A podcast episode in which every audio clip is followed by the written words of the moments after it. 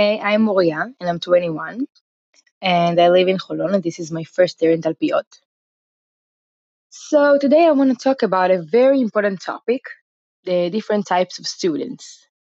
So before I start explaining, I think we can learn something about it from this Passover, from this holiday. So if we think about it, there is something weird in the Haggadah. Before we start reading the story, which is the most important thing in Leil Seder, we see that we have the four boys. The wise son, the Chacham, then the evil son, the Rasha, followed by the simple son, the Tam, and finally the son who doesn't know to ask. And they all appear in the beginning, before the story. And there's a question, why do they appear before the story of Yetziat Mitzrayim? And maybe no one thought about asking it because it doesn't seem so weird. We think maybe that the person who wrote this Haggadah put the sons before the story. Simple. They didn't even think about something deeper. But there is deeper meaning for this, which is a big lesson for education. So before we start to talk about the, the reason and the boys, I want to start with something else, and from it we will understand the reason and or the answer to this question. So we as teachers know the the power of speech. We work on our speaking. We want to talk clearly, fluently to make our listeners and in this case our students understand. But let's think about it. There are a lot of people who can find themselves teaching, speaking, explaining so well without even know who the audience is. And we need to notice who is in front of us. Who is the person I'm going to talk to? Who is he? Things that he likes, maybe a little bit about his style. If we will speak to him in a way which he doesn't like or understands, so anything we we say will go in vain.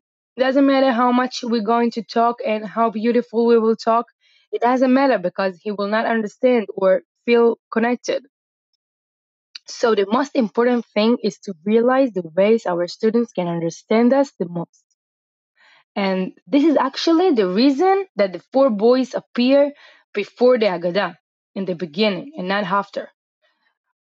The, the four boys actually represent four different types of children, students. And what we understand is that before you tell your child the Haggadah, try to realize in what way you can talk in order to make him feel interested and really to make him learn. And if we go even deeper, we see that the Chacham is asking, what are these rules and laws for you? And the smart kid actually wants to understand by laws and rules. That is how we understand things. So when we answer him or want to make him learn something, we we need to use rules and laws in our speech in order to make him listen and understand. Same with the others. For example, the Tam, he understands things by simple stories or simple things. So when we want to teach him something, we will do it by simple stories. So if we think about it, this, this is really a big lesson for us. Because if we want to make our students to really lean, learn something effectively, we need to understand and realize what are their ways and to use their language in our teaching, in our speaking. And when we will use it, we will make our learners learn more effectively. So when we use their language, it will make them achieve more goals. So it's such a wonderful learning from the Haggadah. We need to take it to our life so when we teach, when we speak with our child, students, when we talk to people, we need to understand who they are and it will affect their learning more than we think.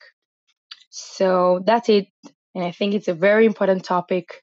And I hope you all will use it and I will use it. And good luck.